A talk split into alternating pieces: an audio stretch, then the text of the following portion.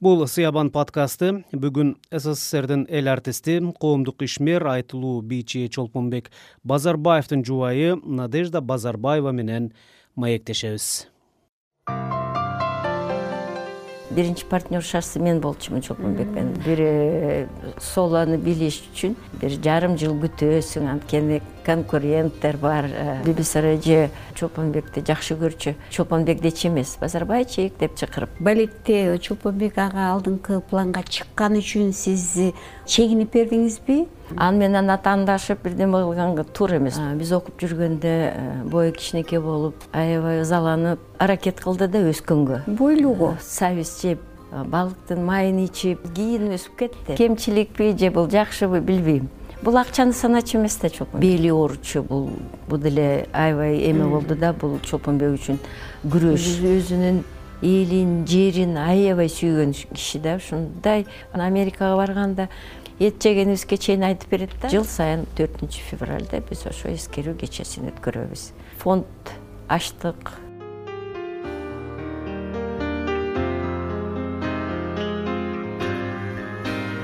чолпонбек базарбаев совет заманында жашап кыргыз балет өнөрүнүн зоболосун көтөргөн таланттардын бири катары тарыхта калды. Айтылуу бийчинин өмүрлүк жары жана кесиптеши надежда базарбаева жолдошунун таланты тагдыры.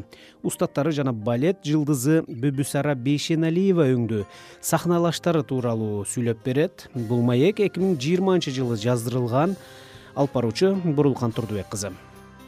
Надежда айым кош келдиңиз биздин студиябызга өзүңүз жөнүндө анан сиздин жубайыңыз айтылуу э, балет э, искусствосунун чебери чолпонбек базарбаев жөнүндө сүйлөшөлү деп сизди бүгүн студияга чакырып атабыз. Рахмат. Бүгүн эми чолпонбек ага жок. Ал киши албетте сссрдин эл артисти э, ооба. эмгек сиңирген артист кыскасы ошол кездеги биздин доорундагы эң жогорку сыйлыктардын баардыгына татыктуу болгон ушул бийиктикке кантип жетти? Анан ушул кандай аракеттердин аркасы менен жетти? Эми чолпонбек аябай э, мындай өзү чын айтканда мындай өжөр болчу да иштегиси келип биз окуп жүргөндө э, бою кичинекей болуп аябай ызаланып анан көп неме аракет кылды да өскөнгө. Бойлууго азыр кийин өсүп кетти бирок биз окуп жүргөндө мендей эле болчу мен биринчи партнершасы мен болчумун чолпонбек менен. Башка кыздар биздин класстык кыздардын баары ойлору бийик бийик болчу анан ошол э, сабиз жеп э, балыктын майын ичип ушундай аракеттенчи да аябай эмгекчил болчу. А сиздер кайсы жерде чогуу окуп калдыңар. Ошондо куренкеевди чогуу окудуңуздар да. Ооба ошол жерден таанышып атасыздар да. Мурун куренкеев музыкалык хореографиялык училище болчу куренкеев атындагы. Анан ошол хореографический жана бөлүмүндө биз окуп калдык чолпонбек экөөбүз анан бир класска туш келип калдык балеттен дагы. Анан мектепте жыйырма сегизинчи мектептен окучубуз. Анан ошол мектептен дагы бир класска анан бир партада болуп калдык экөөбүз ушинтип э, турмушубуз башталганы ошондо болчу да он жашыбызда келип бир класска балетте бир класс окууда мектепте бир класска туш келип калып чогуу жүрүп анан мектепке чогуу барабыз балетке чогуу барабыз интернатта чогуу жашап жүрдүк. Ошентип э, кичинекей чагыбыздан эме болуп калды. Бир туугандай өзү да кийин айтып жүрдү биз сен тиги бир семья эмеспиз бир туугандай эле болуп калдык деп. Бул кандай десем бул тагдырбы мен ойлойм ооба. бул буйрук тагдыр деп ойлойм. Ага абдан ошо чөнөкөйлүгү чолпонбектин эл менен сөз тапканы түз жүрчү да абдан эч качан калп айтып же бир кыйтык мыйтык бирдеме жасап жиберип анан андай жок болчу. Бүт түз жүргөн таза жүргөн ушундай өзүнүн мүнөзү бар болчу ошол баары. Жакты окшойт менин оюмча чыгармачылык чөйрөдө бир мындай тоскоолдуктар көп болот го. Э, чолпонбек базарбаевда ошондой бир э, тоскоолдуктар кыйынчылыктар болдубу чыгармачылык карьерасында? Карьерасында андай деле эме болгон жок бирок бул өзүнүн бели ооручу бул бул деле аябай эме болду да бул чолпонбек үчүн күрөш. Ушу бели ооруганда эмне кылаарын билбей кээде мындай эңке албай ботинкасын чече албай кие албай болгон кездер ошондой кездер да болгон. Мен ботинкасин туфлини кийгизип ошентчүмүн да. Анткени э, сколиозу бар болчу. Сколиоз. Эки эки жерде кичинекей чагыңдан аттан жылган турбайбы. Анан кийин ошол бели менен эле күрөшүп жүрдү. Дайым эле э, эсинде бар болчу да ушу белим. Белимди сакташым керек белимди карашым керек деп анан э, тыңшап турчу да дайым эле. Бир жолу бутун сындырып манчаларын сындырып сахнада. Сахнадан эмес биздин театрда ремонтко бергенде биз училищеге келдик. Жаңы азыр училищеге келсек анда кичине полдорун туура эмес жасалган да паркет жасап коюшкан. Ошо паркетке секиргенде мындай катуу болот да паркет. Анан секирип кичине туура эмес э, отуруп калып анан буттун төрт саласын сындырып алган. Анан ошону гипстеп жүрдү ошого чыдабай ошо гипсти бир чечет кайра гипстейт кайра чечет чыдабай атат да жумушка чыгышым керек барышым керек деп анан ошентип ошо кокустуктар көп болду. Бул э, ушул өзүнүн ушул кесибин кесип болду да эми бул. Ооба. Кесибин канчалык сүйдү сиз ошону кантип сезчү элеңиз аябай сүйчү биз экөөбүз балетте болуп экөөбүз жакшы болгон нерсе биз э, жумушубуз бир. Сүйлөгөнүбүз балет анда абдан э, чоң чоң бийчилер балериналар мужской балериналар болуп алардын арасына чоң театрга барып жүрдүк аларды көрөбүз. Анан келип ошол жөнүндө сүйлөшөбүз анализдейбиз баарын ошо. Бирок сиз э, бийлеген жоксуз э? Мындай өзүңүзчө бир э, чоң ролдорду аткарып жок мен чоң ролдорду аткарган жокмун бирок мен солист болдум бизде анда биздин труппабыз чоң. Труппа жүздөй киши болчу балет биздин кыргыздын балетинде.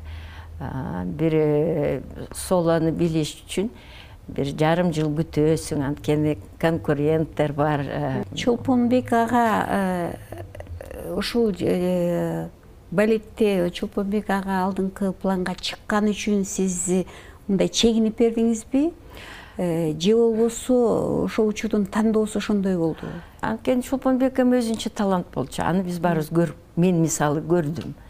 Аны менен атаандашып бирдеме кылганга туура эмес. Жөн эле мындай э, билип түшүнгөн киши болсо мен мисалы мен. Аны туура түшүнүш керек. Жубай катары сүрөөнчү гана болууну туура ооба сөзсүз мен жардам берип э, бүт репетициясына бир калтырбай барчумун барам экөөбүз анан репетициясы бүткөндөн кийин кечинде келип үйгө аны баарын анализдейбиз сүйлөшөбүз. Кемчиликтерин айтасыз? Бүт. Анан ушу чолпонбектин жакшы жери бул кемчиликтерди айтканда сөзсүз укчу. Ал жагынан мен азаматтык деп айтам чолпонбектен ошол. Кандай кемчиликтери бар эле? Чолпонбектеби мындай сизге жакпаган же оңдогуңуз келген бирок такыр оңолбогон эми кемчиликтер бул кемчиликпи же бул жакшыбы билбейм. Бул акчаны саначу эмес да чолпонбек аябай берешен колу ачык. Айлыкты алганда бүттү э, сурай берет короого кирип келгенде деле балдардан сурайт. Мороженое жейсиңби? Же досторуна жолукканда кандай? Сеники баары жакшыбы сага жардам керекпи тиң керекпи? Берейинби деп сурай берет да өзү эле эч ким сурабаса деле өзү сурачу анан мен айта берчүмүн да бизге деле акча керек чолпонбек ушинте берсең биз эч качан баайбайбыз деп. Ошо билбейм бул кемчиликпи же бул бир жагынан жакшы эле го. Анткени мына элдин баары азыр чолпонбек жок эстешет. Ооба байлык деген эме байлык деген чөй эле акча менен саналбайт да бир жагынан алганда бул киши өзү э, министр болду маданият министри. Он жыл эме болду биздин э, театр ишмерлер союзунун төрагасы болуп жүрдү. төрагасы болуп жүрдү. Театрды башкарып жүрдү. Бир жыл э акыркы өзү бийди качан кайсы убакта таштады канча жашында? Чолпонбек туптуура жыйырма беш жыл иштеди. Бийледи бийледи ошол театр ишмерлер союзунун э, төрага болду анан театрга да директор болуп келди ошондо анан кийин тышташ керек деп бенефис жасап пенсияга чыгып кеткен. Бир отуздай отуздан ашык э, спектакль ойноду окшойт э? Театрда болгон спектаклдин баарын бийледи бүт чолпон балетинин эсимде бар көрдүк эле жизель. Ак үй балетин жизель прометей деген балет бар болчу аны бийледи. Иш кылып классиканын баарын классиканын баарын бийледи. Бул кишинин э, өнөктөрүнүн бүүсара бешеналиева менен бийлеп калдыбы негизги бийлеп калды. Жетимишинчи жылы алар польшага гастролго барышты. Анан бибисара эже менен немени бийлешти. Дон кихоттун үзүндүсүн анан бибисара эже Э, чолпонбекти жакшы көрчү. Чолпонбек дечи эмес. Базарбайчик деп чакырып балачу балачу. Анан э, баласына окшоштуруп өзүнүн бибисара эрмек деген баласы бар эмеспи. Ошо баласына окшош. Сен менин балама окшошсуң деп анан ушинтип жактырып базарбайчик деп чакырчу анан ошо бишкекке бишкек эмес анда фрунзе болчу ошондо үйгө барганда чогуу бир спектакльди бийлейбиз. Деп чолпонбектен ушинтип эметип атканда үмүттөнүп анан ошол гастролдон келип бир аздан кийин баштап эле бибисара эже ооруп калды. Ошентип негизи эле бүтүн бир спектакльде ойногонго жетишпей калышкан экен жетишпей калды. Жетишпей калды негизги өнөктөшү айсулуу тукумбаева болду. Ооба. Э, бул э, экөө бир топ гастролдорго чыгып советтер союзунун атын чыгарып жүрүштү. Чоң театр менен чогуу чыгып жүрүштү. Чоң театрдын группасы бар болчу анан. Ошол башка республикалардан мына чолпонбек айсулуу анан э, малика сабирова душанбеден бар болчу. Ошолор анан прибалтикадан бир пара бар болчу. Ошолор эле чакыртылып чоң театр менен чыгып жүрүштү.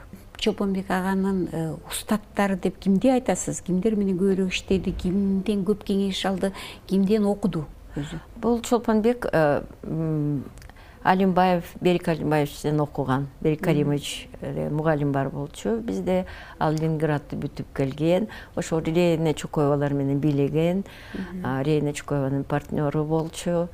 Э, бир жылгы совершенствование жиберди москва. Москванын московский хореографический училищени чоң театрдын алдындагы училище болчу. Ошол жака жиберди и ошондо барганда эң жакшы мыкты педагогко туш келди. Пестов деген азыр киши ал тирүү германияда иштейт. Бул эркектердин эң жакшы э, мыкты педагогу деп эсептелет. Жакында юбилейин даже көрсөттү. Ошо германияда иштейт ошол киши. Анан ошол кишиден окуп дагы бир жылга каласың биз сени конкурска даярдайбыз деп ошо педагог айтканда бияка жайында келди каникулга сүйүнүп ушундай мен дагы бир жылга калган атам андан кийин конкурска даярданам деп ошентип сүйүнүп жүргөндө атасы каза болуп калды жайында. Анан ушул москвага да барбай калды конкурска да даярданбай калды ошо ошол өкүт болуп калган экен ал дагы бир кийин билдим сиз тува элинин кызы болот экенсиз. Анан э, деги эле кыргызстанда такыр туугандарыбыз болгон эмес экен. Буга чейин а кантип ошол тувадан бул жака кыргызстанга келип музыкалык жайында окуп калдыңыз?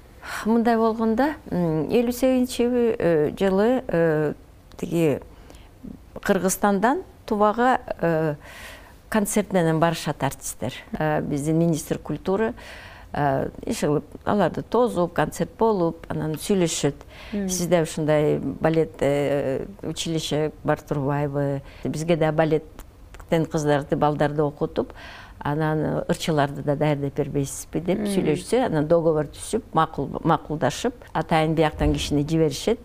Поезд менен бизден алып келчү алып келип анан ошол интернатка бизди орноштуруп анан ошентип окуп калдык. Кыргыз жигитине турмушка чыгышыңыз тандооңузду үй бүлө ата энелериңиз кандай кабыл алды анан?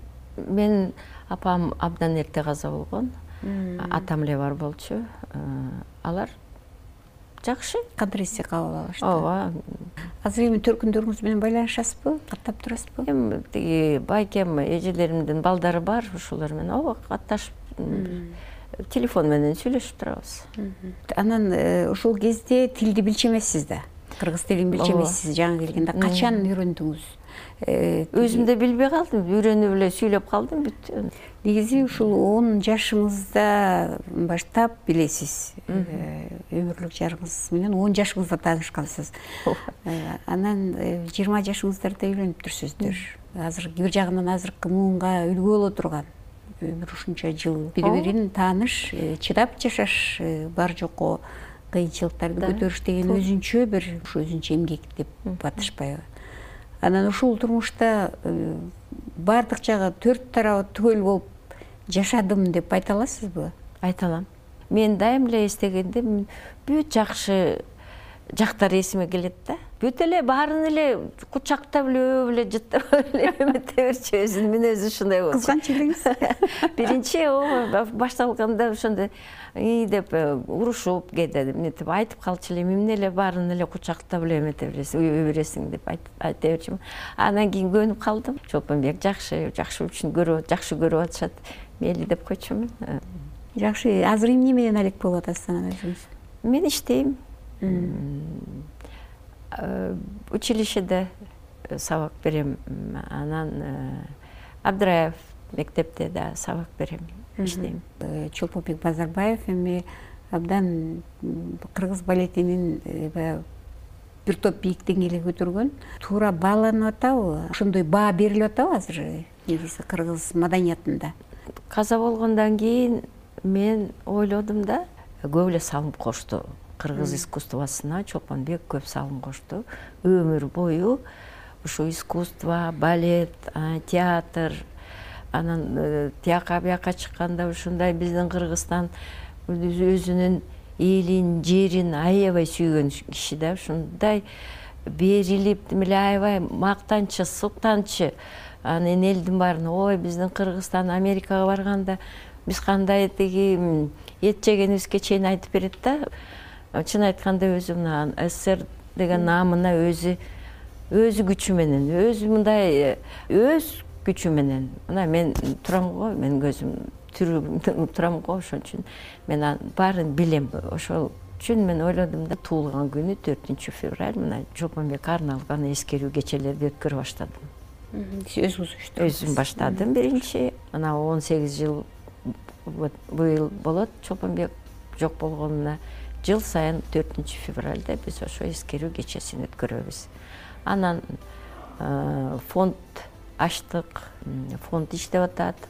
Фонд аркылууунан неме марафон жасадык эстелигине. Эстелик курдук эстелигин койдук. Училищаны бир эле училище хореографиялык училищебиз бар. Ошонун ошого чолпонбектин атын койдук чын айтканда аракет кылып атабыз. Андай ден соолук каалайбыз рахмат аманчылыкта болуңуз бала чакаңыз менен. Рахмат чоң. Сизге да рахмат. Чоң рахмат. Ушинтип чолпонбектин арбагын эстеп э, сыйлап мени чакырып койгонуңа чоң рахмат сиз азаттыктын сыябан подкастында сссрдин эл артисти коомдук ишмер айтылуу бийчи чолпонбек базарбаевдин жубайы надежда базарбаева менен маектеп уктуңуз аны бурулкан турдубек кызы даярдады